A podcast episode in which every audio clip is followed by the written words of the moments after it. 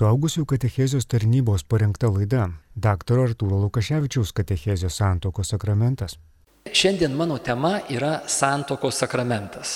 Ir pradėsiu nuo skaitinio, jums tikriausiai daug kartų girdėto, iš pradžios knygos antrojo skyriaus. Kaip e, žinote, pirmieji 11 skyrių šventojo rašto pradžios knygos e, yra parašyti tokia ypatinga kalba, kurioje labai daug simbolių. Todėl mes ją turime suprasti kaip simbolinę, o netiesioginę. E, reiškia, ką reiškia vienas ar kitas simbolis, pirmas klausimas turėtų būti. Antras skyrius pradžios knygos. Viešpats Dievas tarė, negera žmogui būti vienam, padarysiu jam tinkamą bendrininką. Taigi viešpats Dievas padarė iš žemės visus laukinius gyvulius bei visus padangių paukščius ir atvedė juos pas žmogų pamatyti, kaip jis juos pavadins. Kokiu vardu žmogus pavadins kiekvieną gyvą būtybę, toks turės būti jos vardas. Žmogus davė vardus visiems galvėjams, visiems padangių paukščiams ir visiems laukiniams žvėrims, tačiau savo tinkamo bendrininko nerado. Tuomet viešpats Dievas užmigdė žmogų giliu miegu ir jam miegant išėmė vieną šonkaulį, o jo vietą užpildė raumenimis. O iš šonkaulio, kurį buvo išėmęs iš žmogaus, viešpats Dievas padarė moterį ir atvedė ją pa žmogų. O žmogus ištarė, štai pagaliau kaulas mano kaulų ir kūnas mano kūno. Ji bus vadinama moterimi, nes iš vyro buvo paimta. Todėl vyras paliks tėvą ir motiną, glausis prie žmonos ir jie taps vienu kūnu. Daug čia visko yra, žodžių žaidimas tarp žmogus ir žmona bando išlaikyti šitą švento rašto e, vertimas lietuvių kalbą. Nėra lengva tą padaryti, hebrajiškus tuos žodžius, e, kurie yra labai artimi savo šaknimi. Mums lietuviškai skaitant susidaro, gali susidaryti klaidingas įspūdis, tarsi moteris nebūtų žmogus, ne, nes yra žmogus ir tada yra e, iš žmogaus padaroma moteris. Tai čia va, būtent tas neišreiškiamumas lietuvių kalboje to šakninio žaismo tarp žodžių e, išreiškiančių vyrą ir moterį hebrajų kalboje. Be abejo, ir e, vyras ir moteris abu yra žmonės. Dievas sukuria žmogų dviejų lyčių ir jos tos lytis yra skirtingos, tačiau jos yra lygios vertės. Lygia vertės, tačiau e, yra skirtingos tos dvi. Ir štai šitoje vietoje turime tą labai keistą teiginį, kurį pats Dievas e, pasako, tai yra žmogui negera. Dar nuodėmė neįvykusi, dar niekas neatskiria žmogaus nuo Dievo ir Dievas pats konstatuoja faktą yra negera. Labai keistas dalykas.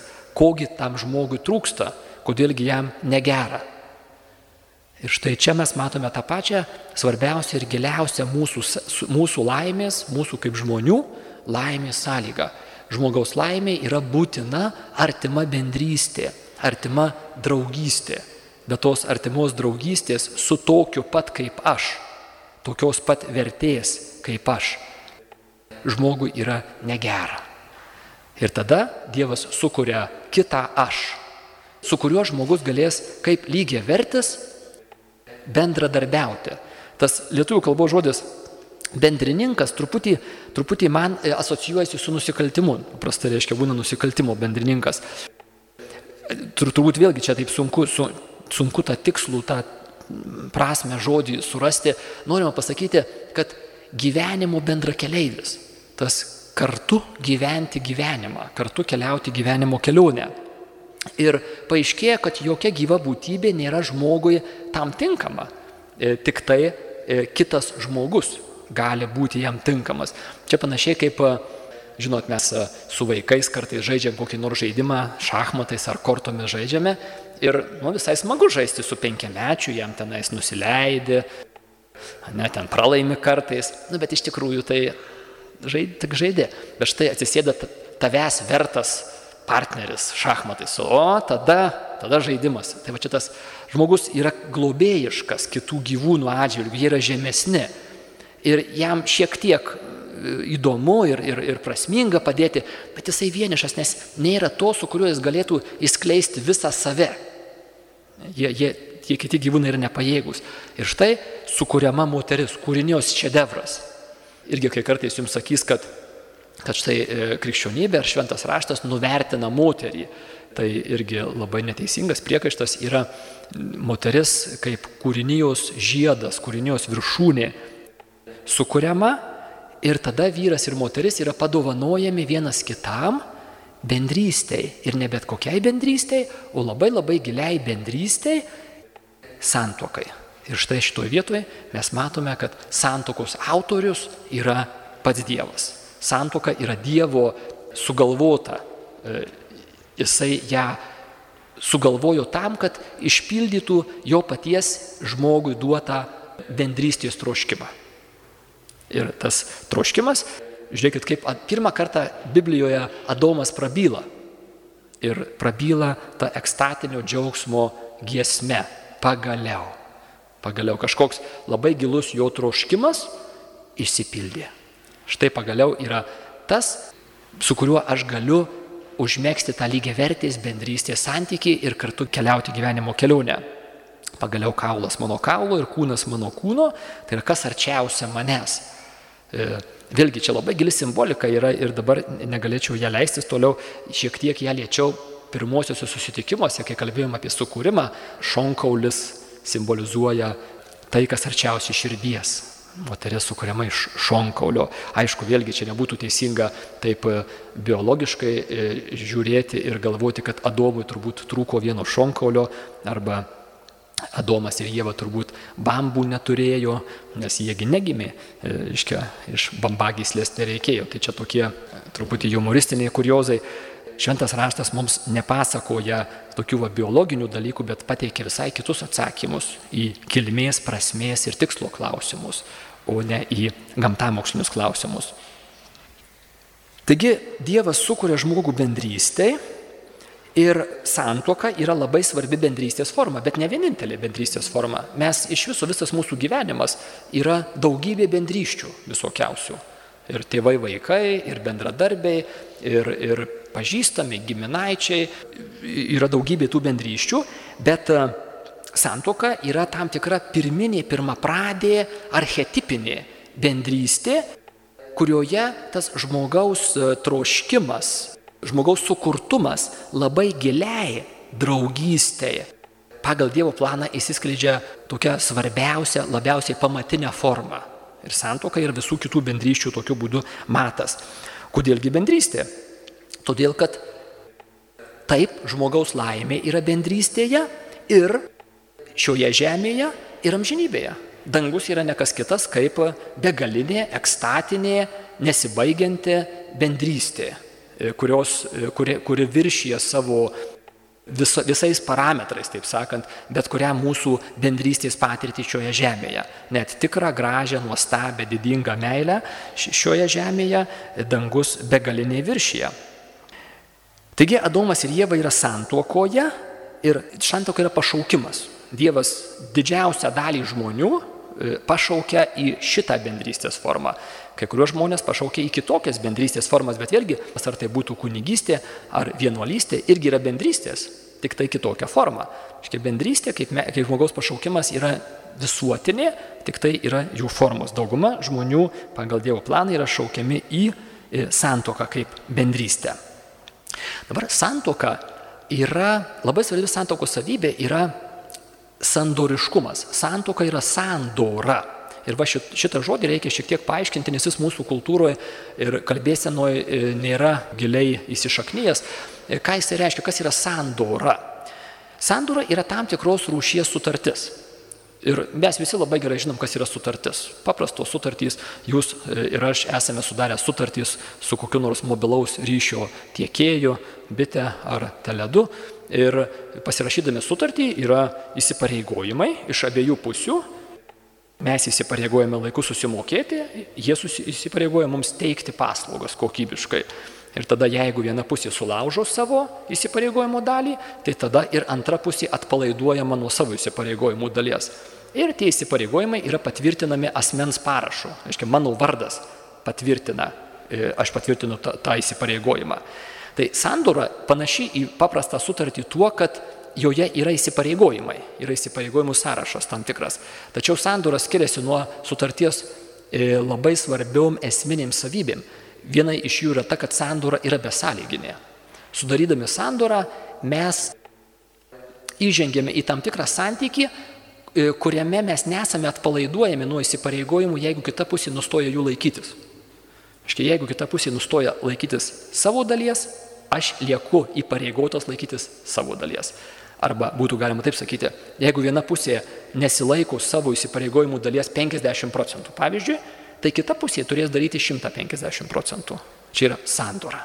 Kita sandoros savybė yra tai, kad e, skirtingai nuo sutarties, kurios rezultate atsiranda e, tam, tikras, tam tikros paslaugos, klientai, darbdaviai, samdiniai ir panašiai, sandoros e, pasiekmė yra tai, kad atsiranda giminystės ryšys. Sandora per sandorą susigiminiuojama. Ir tie iš jūsų, kurie skaitote šventą raštą, Senasis testamentas yra nekas kita kaip sandorų istorija. Dievas vieną po kitos sudaro sandoras su žmonėje, vis sudarydamas sąlygas žmonė, žmonėms priartėti labiau prie savęs, prie Dievo. Tos sandoros per Abraomą, per Mozę, e, per Dovydą ir galų gale naujoji ir amžinoji sandora e, per Jėzų Kristų.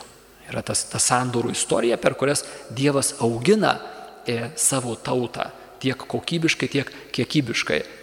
Ir, ir kaip gerai, kad Dievas su mumis sudaro, užmesga sandorinį ryšį, o ne tik tai paprastą sutartį. Nes žmogus yra neištikimas. Žmogus nuolat ir nuolat mes sulaužome savo įsipareigojimus.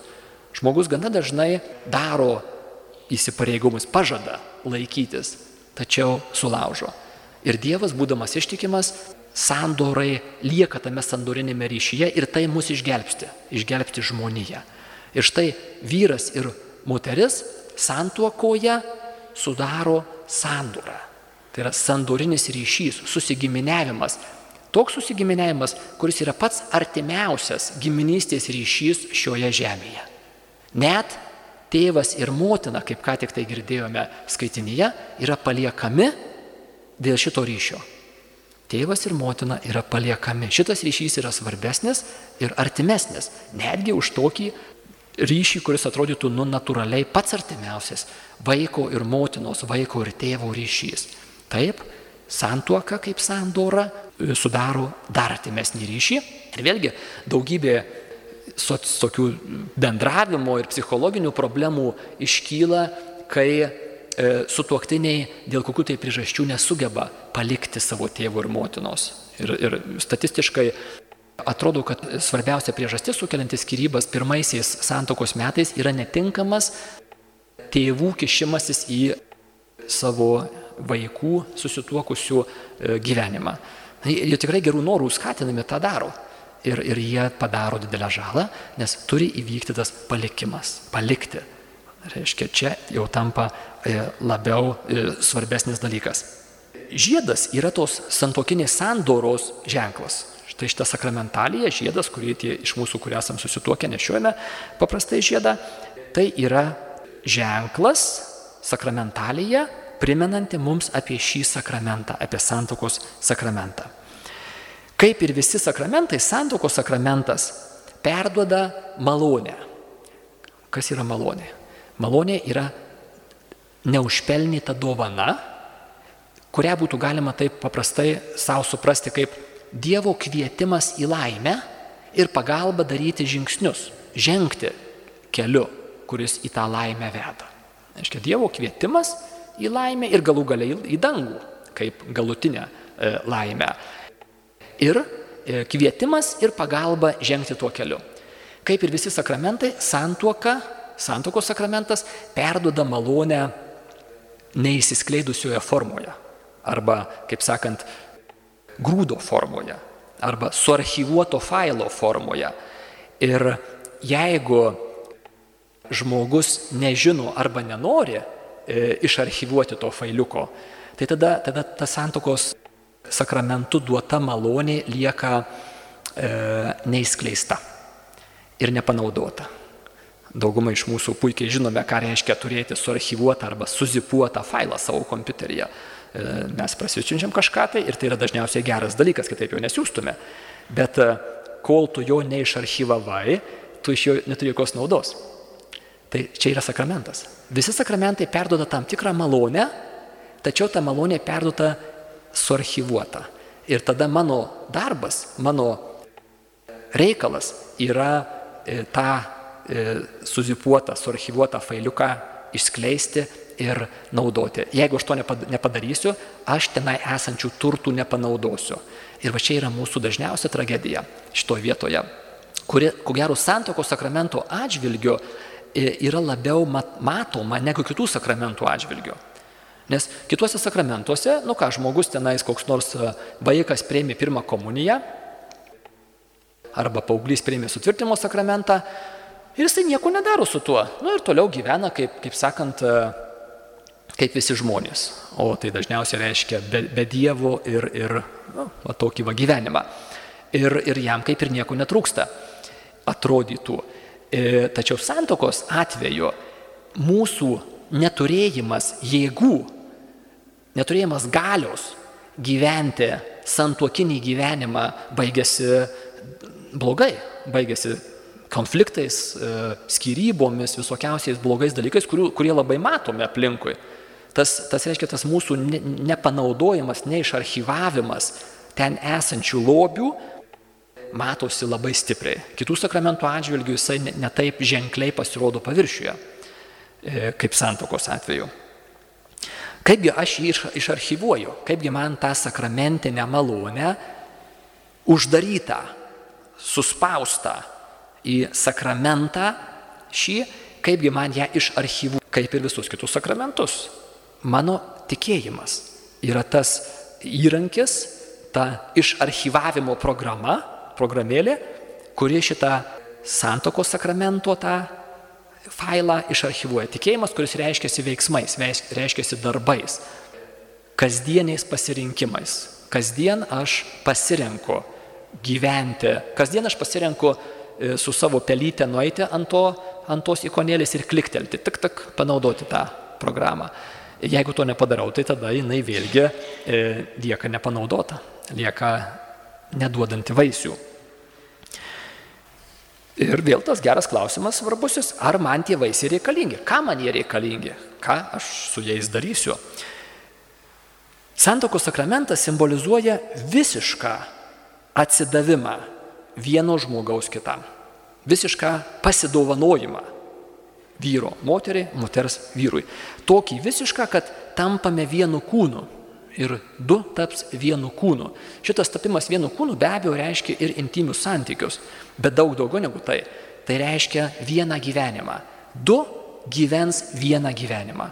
Štai kas yra mums duodama per santoko sakramentą galim, gale gyventi vieną gyvenimą. Mes iš savęs to neturime, nes mes esame egoistai. Ir kai du egoistus sudedi arti vienas kito, bus blogai, eis kibirkštys tenais ir gali būti sprogimas. Nes egoistas, jisai bando save pastatęs į centrą viską sukti aplink save, visą visatą sukti aplink save.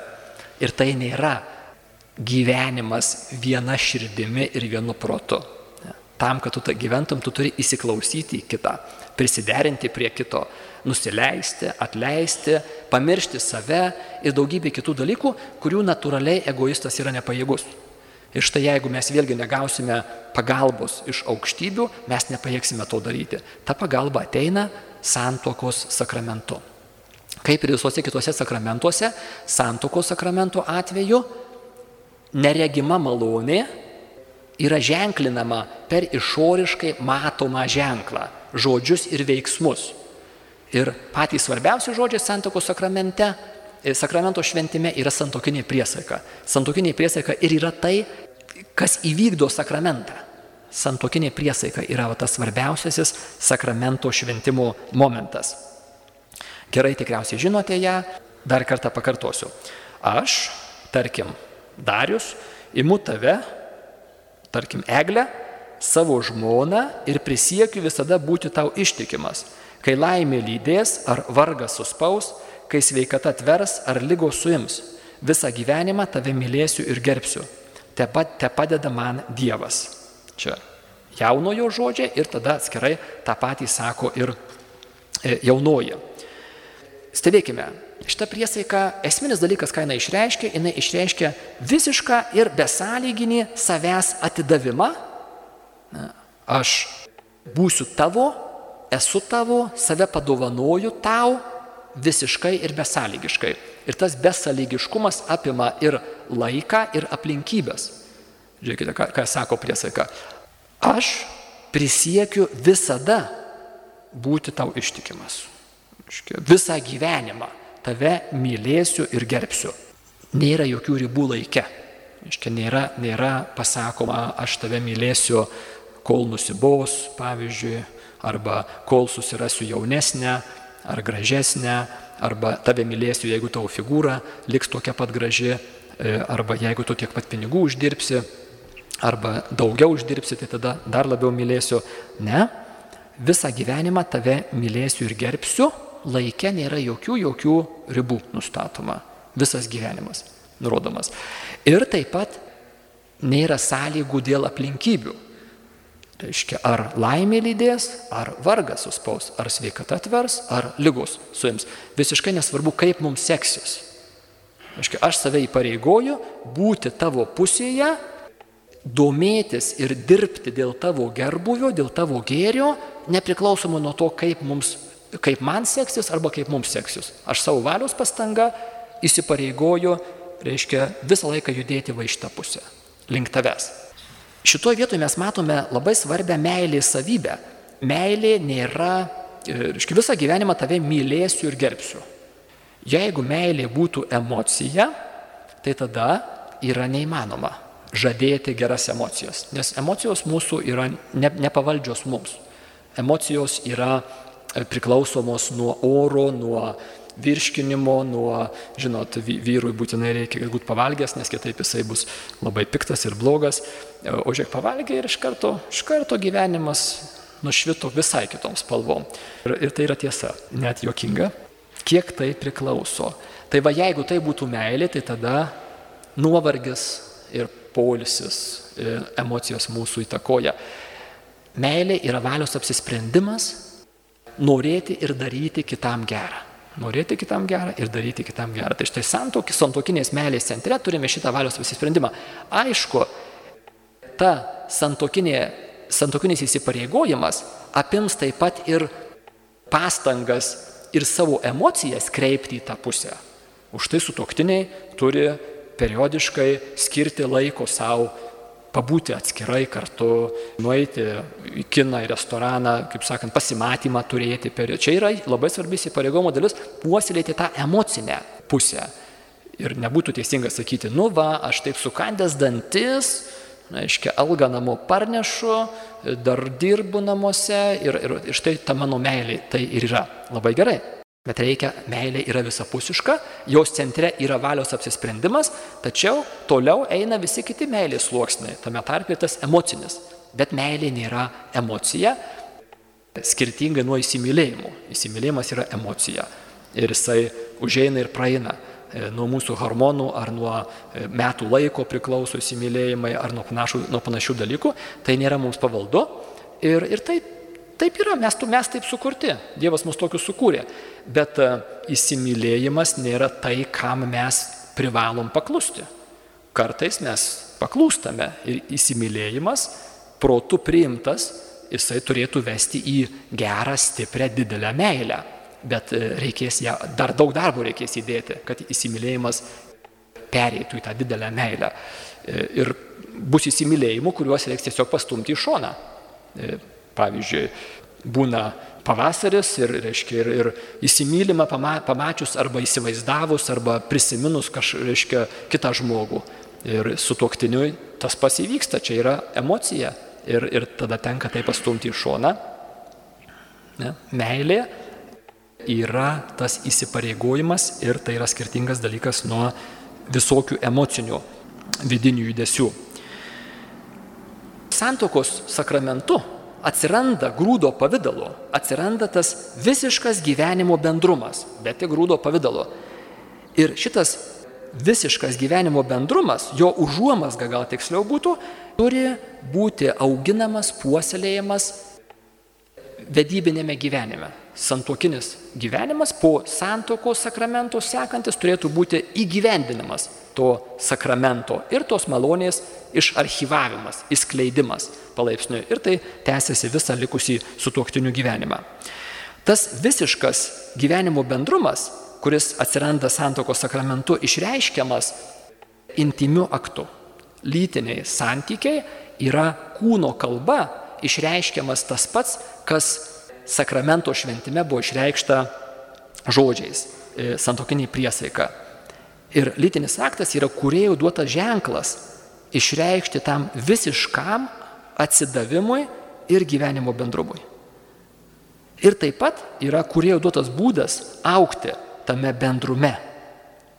Iškia, lytiniu aktu vyras ir moteris išreiškia tą patį, ką santokos priesaika išreiškia žodžiais. Aš esu tavo visiškai, besąlygiškai, iki gyvos galvos ir, ir nepriklausomai nuo, nuo visokiausių aplinkybių, kaip mums seksis ar kaip mums nesiseks. Čia taip pat matome, kodėl lytinis aktas nesantuokoje yra melas. Iškisai yra kūno kalba ir labai stipriai, labai galingai sakoma tai, kas e, protu ir širdimi nėra pasakyta. Iškia tai, kas nėra dar priimta protu ir širdimi ir tai jau kitų būdų, simboliniu būdu, labai galingų būdų e, sakoma. Ir čia verta pasvarstyti ir e, mes daugybę dalykų simbo, simbolių kalba galime meluoti. Galima, galima ranką spausti ir šypsoti žmogui, o tuo metu galvoti visai ką kitą ir mano širdį ir protė nuostata gali būti visai kitokia. Garsusis judo bučinys yra simbolinė kalba sakoma mokytojo, priraišumas, e, pagarba, o iš tikrųjų yra visai kas kita išreiškiama. Ženklas ir ženklinamasis. Ženklas tai yra kas išoriškai matoma ir ženklinamasis tai, kas yra E, mano nuostatose gali gerokai skirtis. Lytinis aktas yra labai galingas, natūralus ženklas išreikšti visišką pasidovanojimą ir tai yra, e, tas pasidovanojimas yra santuoka, santuokoje. Toliau žvelgime į santokos sakramentą per jo tikslus. Santokos sakramentas, sakramentas turi du, tiks, du tikslus. Ir tie du tikslai vėl mums toliau rodys, kas tai yra ir pats sakramentas, ir po sakramento sekantis santokinis gyvenimas. Pirmasis santokos sakramento tikslas yra sutuoktinių vienybė. Sutuoktinių vienybė. Tai yra sutuoktinių bendrystė, augimas toje bendrystėje, kuri pradedama santokos sakramentu ir toliau turi tęstis. Aiškiai, pirmas tai yra tas Dievo planas žmogui bendrystė. Žmogaus laimė yra bendrystė. Ir stebėkite, pats didžiausias priešas mano augimo šioje laimėje, į, į tą laimę yra mano egoizmas. Nes tai yra, kas atskiria mane nuo bendrystės su kitu. Nuo gebėjimo matyti kitą. Jeigu mano dėmesys suteltas į patį save, tai ir yra pagrindinė problema - atskirianti mane nuo kito. Ir antrasis santokos sakramento tikslas yra naujos gyvybės atsiradimas. Nauja gyvybė, vaikai Antras tikslas, vėlgi stebėkite, kaip, kaip aiškiai matome ir žinome, vaikų normaliam vystimuisi, tam, kad jie būtų sveiki ne tik fiziškai, bet ir dvasiškai, emociškai, psichologiškai, yra būtinas tėvų besąlyginis įsipareigojimas ir geri santykiai. Aiškia, tėvų geri santykiai ir besąlyginis įsipareigojimas yra tas pamatas, ant kurio vaikų gerbuvis auga. Ir statistiškai žinome, kad vaikai vienas iš pačių baisiausių, labiausiai bijomų dalykų, kas gali įvykti, yra tėvų skirybos. E, pradinių klasių mokytojai kartais daro apklausas, kad įsiaiškintų nu, tiesiog vaikų pažiūras, vaikų situacijas ir klausimas, ko tu labiausiai norėtum. Ir dažnai atsakymas yra, kad tėtis ir mama vėl sugrįžtų kartu gyventi. Arba ko tu labiausiai bijai, kad tėtis ir mama gali įsiskirti. E, vaikai tiesiog intuityviai jaučia, kaip e, jiems svarbus yra tas tėvo ir motinos besąlyginis tai, ką išreiškia santokos priesaika, įsipareigojimas vienas kitam. Ir taip pat sveikas vaikas be abejo gali aukti tik tai šeimoje. Kitur, kitur nebus taip, kad jam padaryta žala bus e, nepataisoma. Ne, net skirybų, net ir kitų baisių dalykų, kurie įvyksta e, vaikams žalą galima pataisyti. Dievas gali užgydyti visas žaizdas. Ir vėlgi dauguma iš jūsų turite patirtį, kaip tą Dievas daro. Bet kainuos, kainuos skausmo, kainuos laiko, kainuos e, pastangų reikės dėti, kad tai, tai yra įmanoma. Bet e, kam, kam jas daryti, jeigu galima būtų išvengti to, be abejo, išvengti yra geriau. Katalikiška santuoka turi keletą svarbių bruožų ir keturis iš jų noriu su jumis aptarti. Taigi, santuoka. Santuokos sakramentas, santuokos sakramentu atsiranda santuoka ir jos bruožai jinai yra neišardoma. Santuoka yra neišardoma, tai reiškia iki gyvos galvos. Visą gyvenimą tave mylėsiu ir gerbsiu. E, jeigu nebūtų šito elemento, to neišardomumo, e, tai reiškia skyryboms palikta galimybė yra įmanoma skyryba, skyrybos, e, skyrybų galimybė rodytų, kad nėra besąlyginio įsipareigojimo. Iškia, kad įsipareigojimas yra, bet jisai nėra besąlyginis.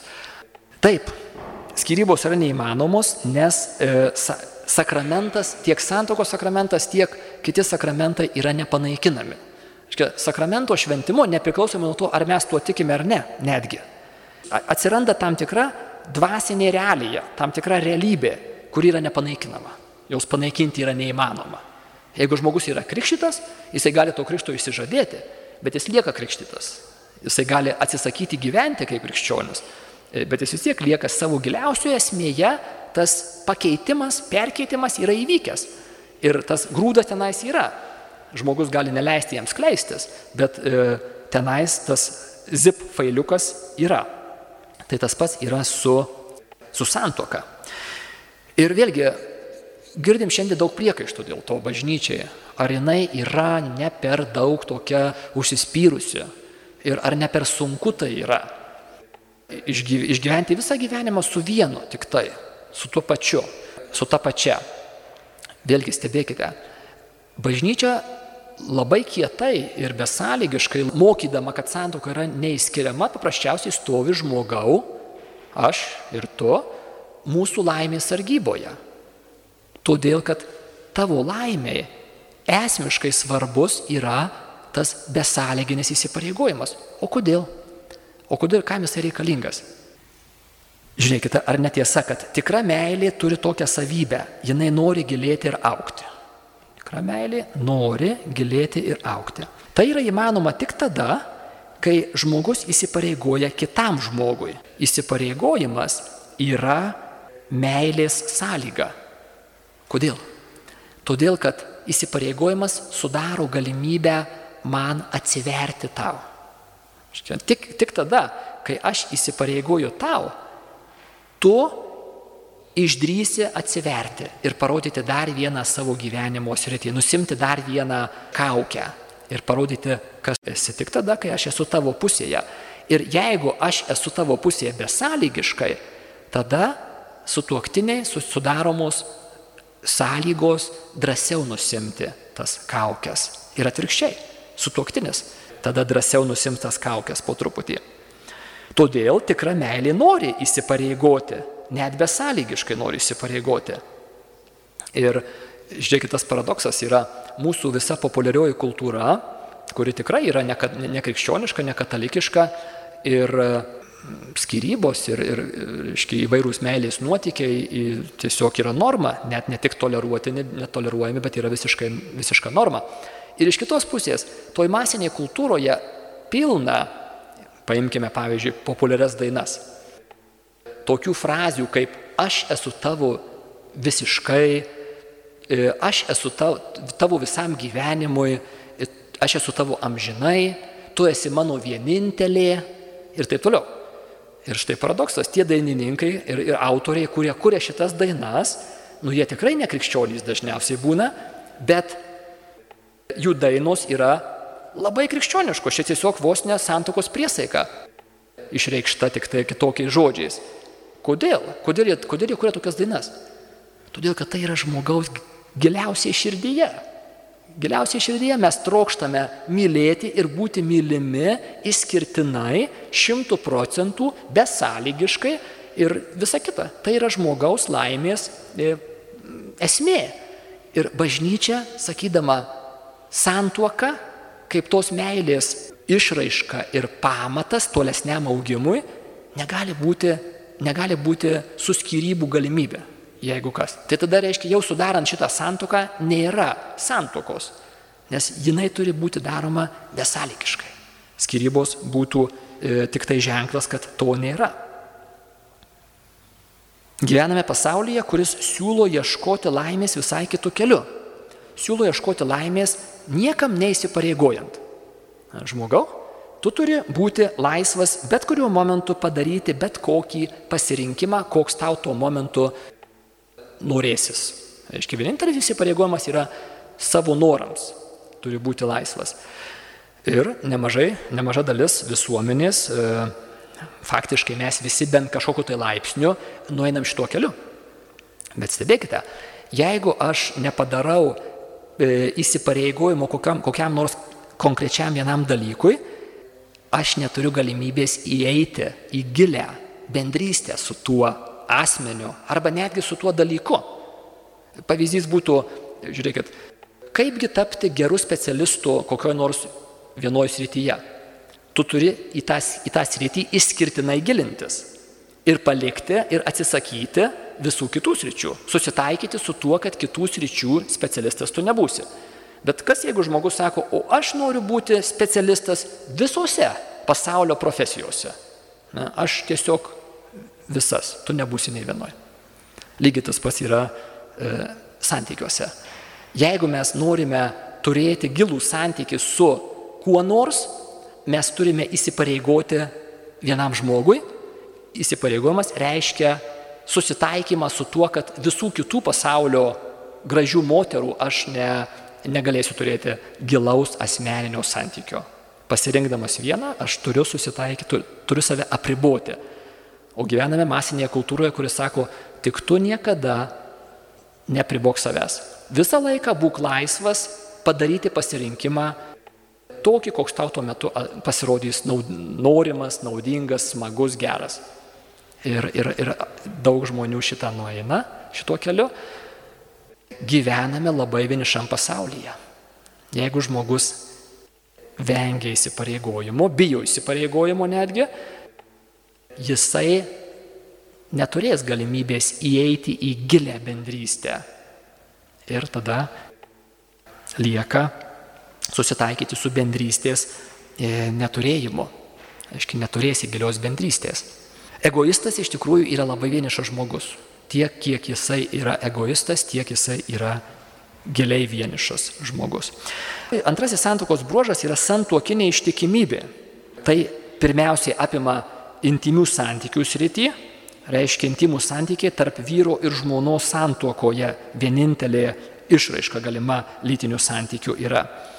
E, bet taip pat apima ir kitas rytis, ypatingai minčių ir vaizduotės rytį. Ir va čia mums vyrams yra užduotis sunkesnė, nes vyrai yra labiau vizualūs pagal savo visą psichę, mes esame labiau paveikus vaizdams. Ir, ir, ir todėl norėdami išlaikyti išskirtinį santykį su savo e, žmona, santokoje, mes turime didesnę discipliną įvesti į savo mintis.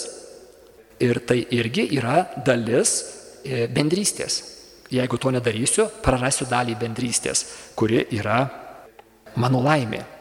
Ir stebėkime, lytiškumas, kuris yra labai giliai žmoguje esanti gale turbūt antra galingiausia jėga žmoguje po e, savisaugos instinkto, po instinkto išgyventi yra lytinis instinktas. Ir štai per santuoką lytinis instinktas yra labai stipriai nukreipiamas į asmenų bendrystę. Reiškia, visa ta gale didžiulė, daug daugiau negu, negu tik tai biologinis potraukis bet ir psichiką apimantis ir emocijas ir net, e, reiškia, fizinį, biologiją žmogaus, fizinį būvį apimantis, nukreipiamas yra į asmenų bendrystę, tai bendrystėj ugdyti. E, trečiasis santokos bruožas yra atvirumas gyvybei. Lytinis aktas, lytiniu aktu sutoktiniai vienas kitą prieima pilnai. Lytinis aktas yra to pilno prieimimo išraiška. Ir todėl lytinėme akte neturėtų būti užkastas kelias gyvybės prieimimui, nes gyvybės prieimimas yra dalis to, kas mes esame, dalis mūsų vaising, vaisingumas yra dalis mūsų asmens. Atmetimas to, užkritimas kelio e, vaisingumui būtų nepilnas, o tik dalinis sutuoktinių prieimimas vienas kito. Vėlgi, stebėkite, kai kurie iš jūsų ruošite santokai, santokos sakramentą primdami jūs įsipareigojate būti atviri gyvybei. Tas pats galioja mums, kurie jau gyvename santuokoje. Reiškia, mes savo intimiais santykiais įsipareigojame būti atviri gyvybė, kiekvienas lytinis santykis turi būti atviras gyvybei. Kontraceptika, kontraceptikai yra e, neprimtini, jie užkerta kelią gyvybei. Būdas, kuris, o tai daug dabar turėsim lietuviukų, ne, iš šitos, jie tik iš šitos salės, čia po kokią dešimt vaikų iš karto visos poros e, turės.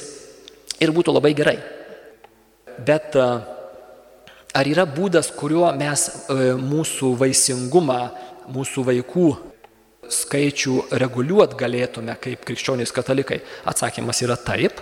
Yra būdas vadinamas natūralus šeimos planavimas, kuris neužkerta kelio e, gyvybei, bet naudojasi natūraliu moters ciklu, mėnesiniu ciklu ir jisai yra tinkamas, morališkai tinkamas būdas vaisingumui reguliuoti, vaikų skaičių reguliuoti. Vėlgi, tas pats natūralus šeimos planavimas gali tapti kontraceptiniu jeigu bus naudojamas kaip technika. Aiškiai, lygiai taip pat tai vadinamas kontraceptinis mentalitetas. Vadinasi, mūsų mentalitetas turėtų būti atviras vaisingumui, atviras vaikams, vaikai yra didžiulis gėris, santokos žiedas ir kaip, kaip taisyklė mes labai labai atviri gyvybei esame ir turėtume būti. Ir yra situacijų, kada sutoktiniai teisėtai naudoja natūralų šeimos planavimą tam, kad galėtų vaisingumą savo kontroliuoti. Ar niekada kontraceptikai nėra primtini? Yra labai reti, siauri atvejai, e, kada kontraceptikai yra leistini, tai faktiškai yra tie atvejai, kada e, neštumas reikštų pavojų moters gyvybei. Yra dėl sveikatos situacijų, kai neštumas yra, reiškia, moteris tiesiog jo nepakeltų, mirtų paprasčiausiai, tada e, tariantis, specifiškai tariantis su kunigu, su specialistais, yra leistini e, kontraceptikai. Vėlgi tenais yra tokių ir kitų e, siaurų labai atvejų, kaip pavyzdžiui vienas iš sutoktinių yra netikintis, ar, ar vienas iš sutoktinių, reiškia, e, piknaudžiauja alkoholiu ir, ir reikalauja santykių ir panašus atvejai yra. Reiškia, bet šiaip jie yra tokie siauri ir reikalauja atskiro individualaus prieimo ir tarimosi su e, kunigu dėl to. Toliau sekantis ketvirtasis e, santokos bruožas yra monogaminė. Santoka yra monogaminė, tai reiškia tarp vieno vyro ir vienos moters santokos sakramentas galimas tarp vieno vyro ir vienos moters. Kodėlgi negali būti, pavyzdžiui, nu, daugiau. Dvi moterys, keturios moterys. Kai kuriuose kultūrose žinom, kad buvo ir viena moteris ir keli vyrai. Tikrai tai yra religijų, kultūrų istorijoje žinomo, žinomi fenomenai. E, kodėlgi dabar krikščionybė ir katalikybė sako vienas vyras ir viena moteris pabrėžia tai tą visišką savęs pasidovanojimą. Jeigu aš save šimtų procentų atidaviau vienai moteriai, tai tampa neįmanomas savęs vėl atidavimas kitai moteriai. Arba dar kitai moteriai. Nes tada bus, žinai, tada tai bus 50 procentų, 50 procentų savęs atidavimas. Mes galim save padovanoti vieną kartą. Turi save vieną. Ir padovanoji save vieną kartą. Santuoka kaip visiškas savęs atsidavimas įmanomas tik tai vienam asmeniui. Niekada nėra per vėlu pradėti daryti tai, pradėti tuo gyventi. Sa sakramentai, bet kurie sakramentai, tame tarp ir santokos sakramentas, niekada nesugenda, nesupūva, nesuyra, nesudulyja. Tas failiukas, tas grūdas tenais yra. Pradėkime jį laistyti grūdą, tą, tą failiuką išarchyvuokime ir Dievo maloniai veiks mūsų gyvenimo aplinkybėse, kokios jos bebūtų. Po truputį, nelengvai, griūvant ir vėl keliantis, tai tai ir yra kelias, kuriuo mes turime, mes turime aukti. Ir tas augimas nėra lengvas. Tiems, kurie dar neprieimė santokos sakramento, galite išvengti daugybės problemų, jeigu savo sukursite gerą startą. Gerą starto aikštelė yra labai naudinga. Girdėjote suaugusių katechezijos tarnybos parengtą laidą dr. Arturo Lukaševičiaus katechezę Santokos sakramentas.